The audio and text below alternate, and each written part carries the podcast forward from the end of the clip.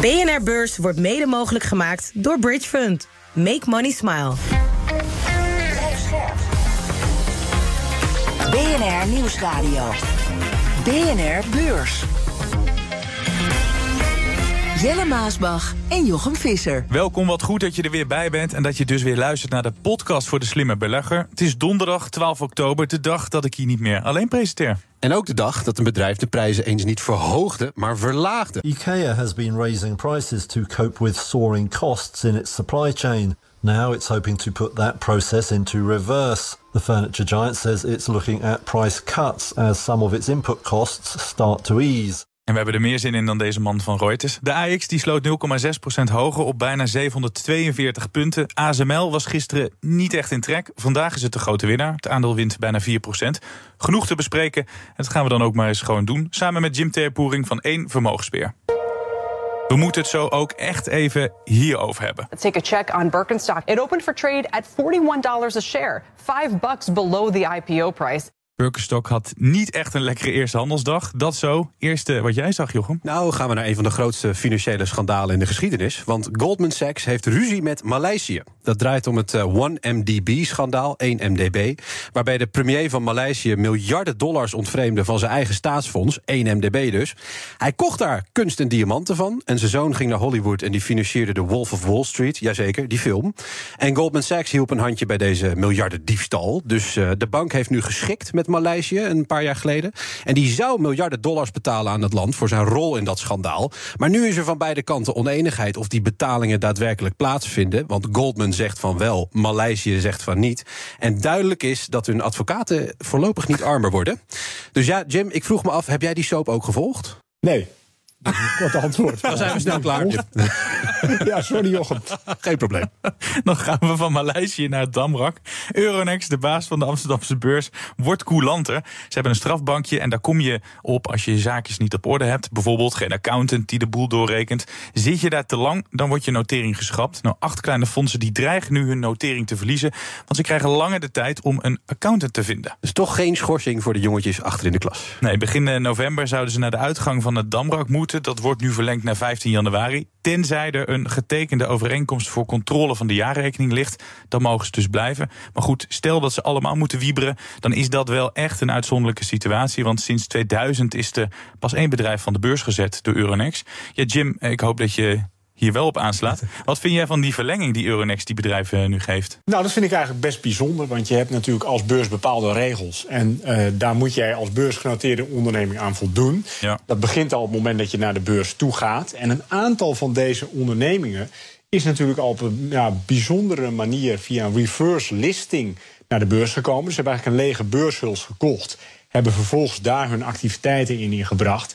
En hadden ineens een beursnotering. Nou, Regels zijn er niet voor niks. Je moet bijvoorbeeld in dit geval een OOB-accountant hebben. Dus een uh, accountant met een vergunning voor organisatie van openbaar belang. En dat is een wat zwaarder vergunningtype. Dus er zijn niet zoveel accountants die dat hebben. En deze bedrijven hebben gewoon uh, het niet voor elkaar gekregen om zo'n accountant te vinden. Uh, accountantskantoren die zeiden gewoon: ja, wij willen niet beginnen aan jullie jaarrekening. We gaan daar niet onze handtekening onder zetten. Ze hebben niet voor elkaar gekregen. Daarmee treden ze de regels. En ja dan is er volgens mij maar één ding te doen. Dan moet gewoon die notering ja. geschrapt worden. Ze zijn te soft daar bij Euronext. Ja, ze zouden wat mij betreft daar veel strikter in kunnen zijn. Want uh, als je gaat kijken naar deze uh, noteringen, dan zijn het ook vaak hele kleine, wazige bedrijfjes met bijzondere omzet, verlieslatend. Uh, een aparte manier van rapporteren. En uh, ja, uh, als je naar de balans kijkt, zet je daar ook als niet-accountant meteen al veel vraagtekens bij. Dus ik begrijp heel goed dat er accountantsorganisaties zeggen van ja, hier gaan we onze vingers niet aan branden. En ja, heel vervelend als daar wel beleggers in zitten. Want het zijn vaak ook hele kleine, gekke aandeeltjes met een dramatisch koersverloop als je naar het verleden kijkt. daar zitten misschien wel meer speculanten in dan investeerders.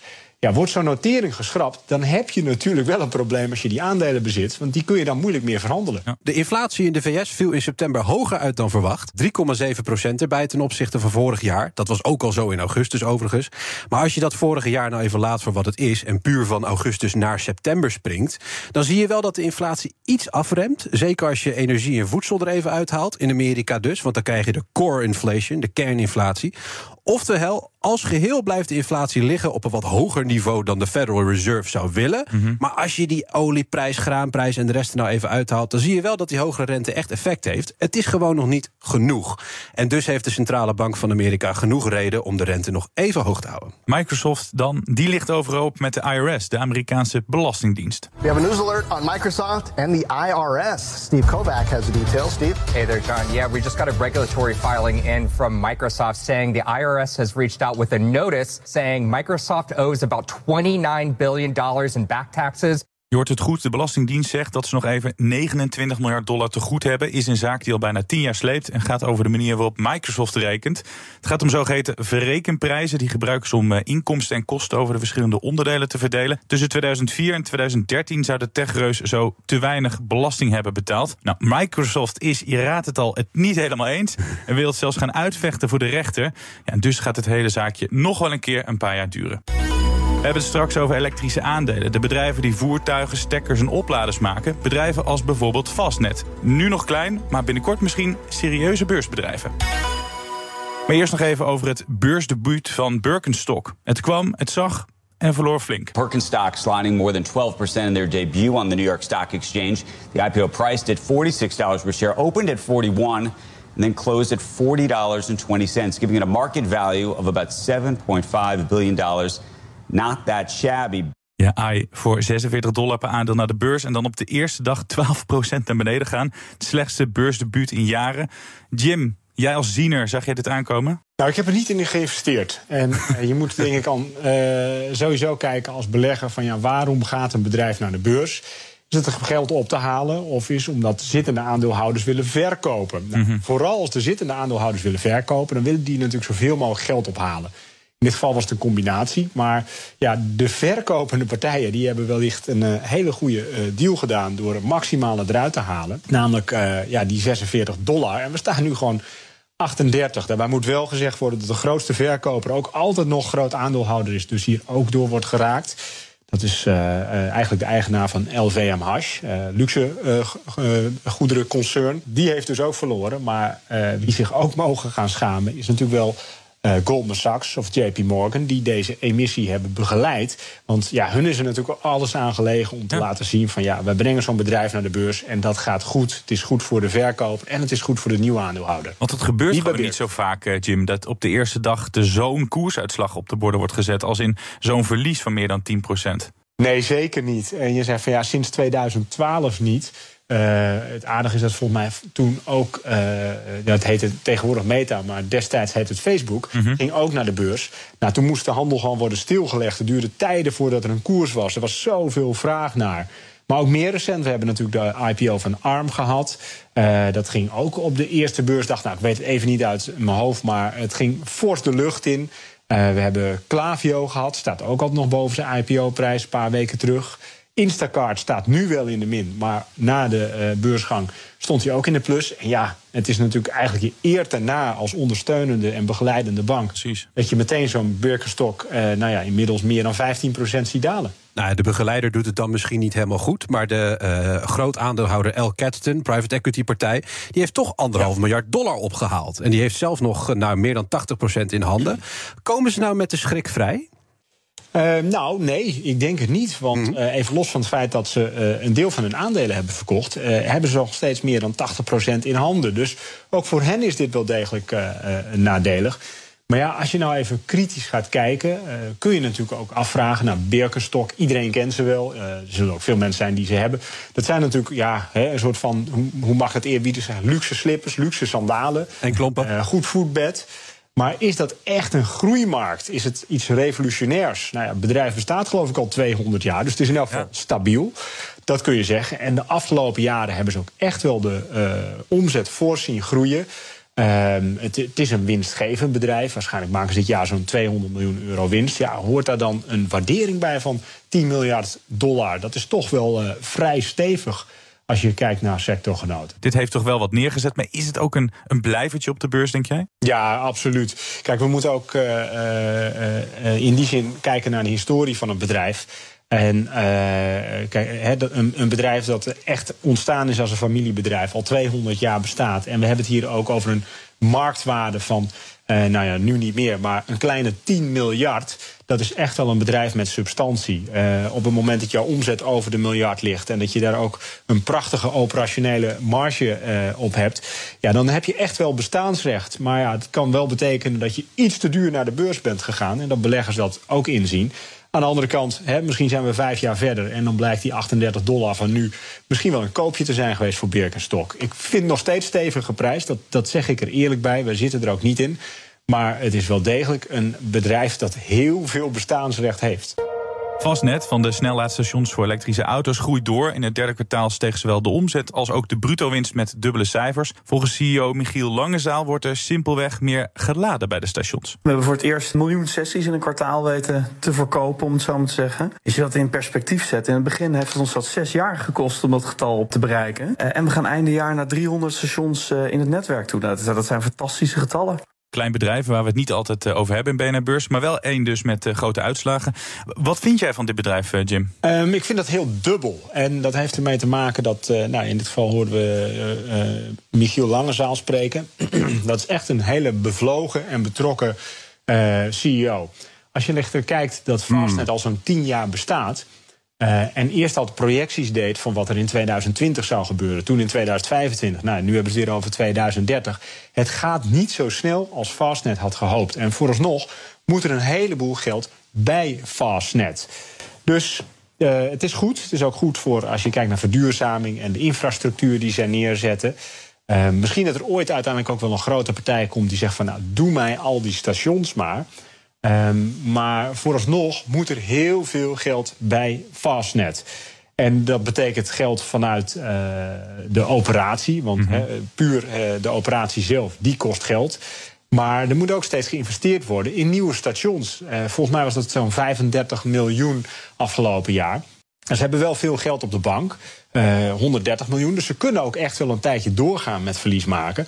Maar je moet wel echt heel ver de blik vooruit hebben om uh, ja, Fastnet uiteindelijk winstgevend te zien worden. Want een klein probleempje is bijvoorbeeld 1 miljoen laadsessies. Nou, dat is prachtig.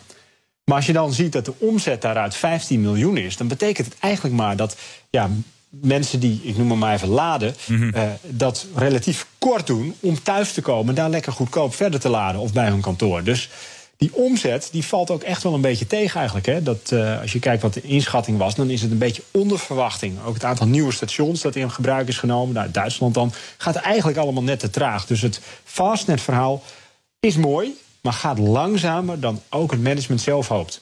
Ik was misschien te positief, want het viel me ook op dat die elektrische aandelen het de laatste dagen gewoon heel goed doen. Fastnet zit in de lift, maar ook uh, eBusco hadden we het gisteren over van die ja. elektrische bussen. Dat is een vijf dagen tijd met bijna 30% gestegen. Er zijn dus wel wat ja. beleggers die in tegenstelling tot jou wel veel enthousiaster zijn over dit soort aandelen. Ja, dat klopt ook. Maar um, als je bijvoorbeeld kijkt naar zo'n eBusco, um, dat is, heeft een marktwaarde van 250 miljoen. Nou, professionele beleggers die zullen daar niet zo gauw instappen, omdat het gewoonweg te klein is. Als je kijkt bij ons uh, met één vermogensbeheer, dan willen wij dat de market cap van. Wij, we beleggen echt wel in Nederlands-Belgische bedrijven, maar de market cap moet minimaal 1 miljard zijn. Waarom? Als je dat zou gaan kopen voor je klanten, zou anders ja, de, de koers meteen omhoog schieten. En ja, dan eventjes uh, een, een, stukje weerwoord. Tuurlijk, dat aandeel dat gaat vandaag bijna 5% de lucht in. Ja. Um, maar we moeten ook niet vergeten dat het in uh, nou ja, uh, één jaar tijd ongeveer 80% is gedaald. Hè. Het stond zo'n 25 euro, is gezakt naar 4. Dus ja, en dan van 4 een keer fors oplopen, dat kan. Maar het verhaal achter elektrisch rijden of elektrische bussen of elektrisch laden... Nou, dat is nog steeds wel valide, maar het gaat te langzaam. En dat en... maakt ook dat beleggers die koersen echt afstraffen. Hè? Want ook Fastnet, ja, vandaag uh, een plusje 30 euro. Eerder stond het, uh, als ik me niet vergis, ja, ruim op uh, het dubbele. BNR Beurs. We gaan even buurt in uh, New York. De Dow Jones staat in de plus. Nou ja, een honderdste van een procent staat eigenlijk gewoon onveranderd. De S&P 500 die wint wel, een tiende van een procent erbij. De Nasdaq krijgt er 0,3 procent bij. Dan gaan we het nog even hebben over uh, Ford. Dat uh, gaat naar beneden. 1,7% naar beneden om precies te zijn. De autobouwer die werd getrakteerd op een staking. Jawel, weer leggen de werknemers het werk neer. En dit is niet zomaar één, dit is fabriek in Kentucky. Dat is waar die pick-up trucks worden gemaakt. Dat is de grootste fabriek van Ford. Dus ik snap dat beleggers daarvan schrikken dat daar nu het werk uh, wordt neergelegd. En, en, dan toch nog even die koers van Birkenstock 4,5% lager. Gaat niet best daar, uh, Jim. Nee, helaas niet. Maar goed, hè. we gaan positief houden. Als het goed is, komen er nog vele. We komen nu bij het positieve gedeelte. Komt-ie. BNR Beurs. Wat is je meest succesvolle aankoop ooit op de beurs? Die vraag krijgen de gasten van BNR Beurs deze week voorgelegd. En we willen weten welk succesverhaal zij vertellen op feesten en partijen. Dus Jim, wat is jouw beste aankoop ooit? op feesten en partijen notabene. Nou goed, daar praat ik niet zoveel over individuele aandelen. Maar... Oh, je was ook cool. ja, ja, ja. En ik kan ook veel verhalen vertellen over, uh, over uh, investeringen die anders uitpakten dan verwacht. Maar... Hmm. Een investering die wij hebben gedaan in de afgelopen jaren. Uh, 2019 hebben we uh, de aandelen gekocht. Uh, dat was van het bedrijf Dieteren. dat is een Belgisch aandeel. Nou, misschien niet zo heel bekend direct, maar om even het in perspectief te schetsen. Het is meer waard dan Birkenstock.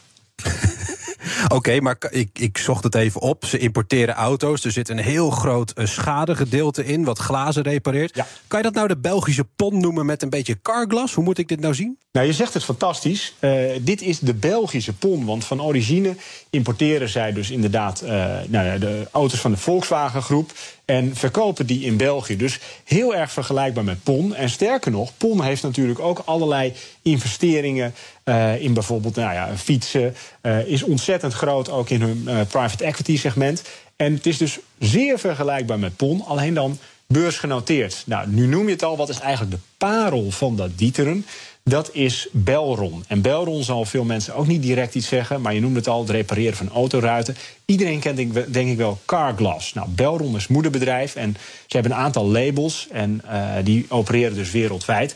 Carglass is in Nederland een hele bekende. Wat ik zo interessant vind eraan is dat, dat carglass en autotaalglas, jij, jij noemde al die labels, maar dat is dus over de hele wereld een markt die eigenlijk wordt verdeeld door maar heel weinig bedrijven die schade. Ja, exact. En wat is nou het uh, voordeel wat uh, Carglass, of ik moet zeggen Belron, ten opzichte van de concurrenten heeft? Is dat tegenwoordig steeds ook meer elektronica en chips verwerkt zitten in die voorruiten. Bijvoorbeeld voor verkeersbordendetectie of iets simpelers. Een, uh, dat je ruitenwisser automatisch aangaat. En zij zijn dus echt gespecialiseerd in die meer technologie, of de technologie verwerkt in de ruiten. Nou, dat is iets wat eigenlijk altijd maar weer terugkerend is. Iedereen heeft wel eens een sterretje zijn ruit of erger nog een scheur. En dat segment doet het heel erg goed. En uh, vorig jaar is ook een grote investeerder aan boord gestapt. Dat was BlackRock. Nou, we hebben daar, ja, kun je zeggen, ook een beetje geluk mee gehad. Maar we beleggen wel vaker in dit soort holdings, omdat er heel vaak een korting op zit. Als je nu bijvoorbeeld kijkt naar de waarde, de boekwaarde van uh, Dieteren, die ligt, nou, zo'n voorzichtige schatting op 12 miljard, terwijl de beurswaarde 9 miljard is. Ja, waarom was dit voor ons een succes? Wij hebben het gekocht in 2019. Toen was de koers onder de 50 euro. Um, ja, we kregen meteen een deksel op onze neus. Want kort na 2019 kwam natuurlijk corona en niemand stapte meer in de auto. Dus net zoals PON verkocht in dit geval ook Dieteren geen auto meer. Er werden ook geen ruiten meer gerepareerd. Dus het aandeel ging wat naar beneden. Toen hebben we nog bijgekocht. Maar inmiddels staat de koers op 160. Dus ja, hè, dat Want dat, kwam, een, dat uh... kwam door een piek eind 2020. Hè? Want dan kijk je naar het grafiek van Dieteren... en dan zie je opeens BlackRock ja. stapt in, kabam. Wist jij dat BlackRock ja, in ging uh, stappen voordat het instapte? Uh, nee, sterker nog, als ik dat had geweten... was het handel met voorkennis. Ja.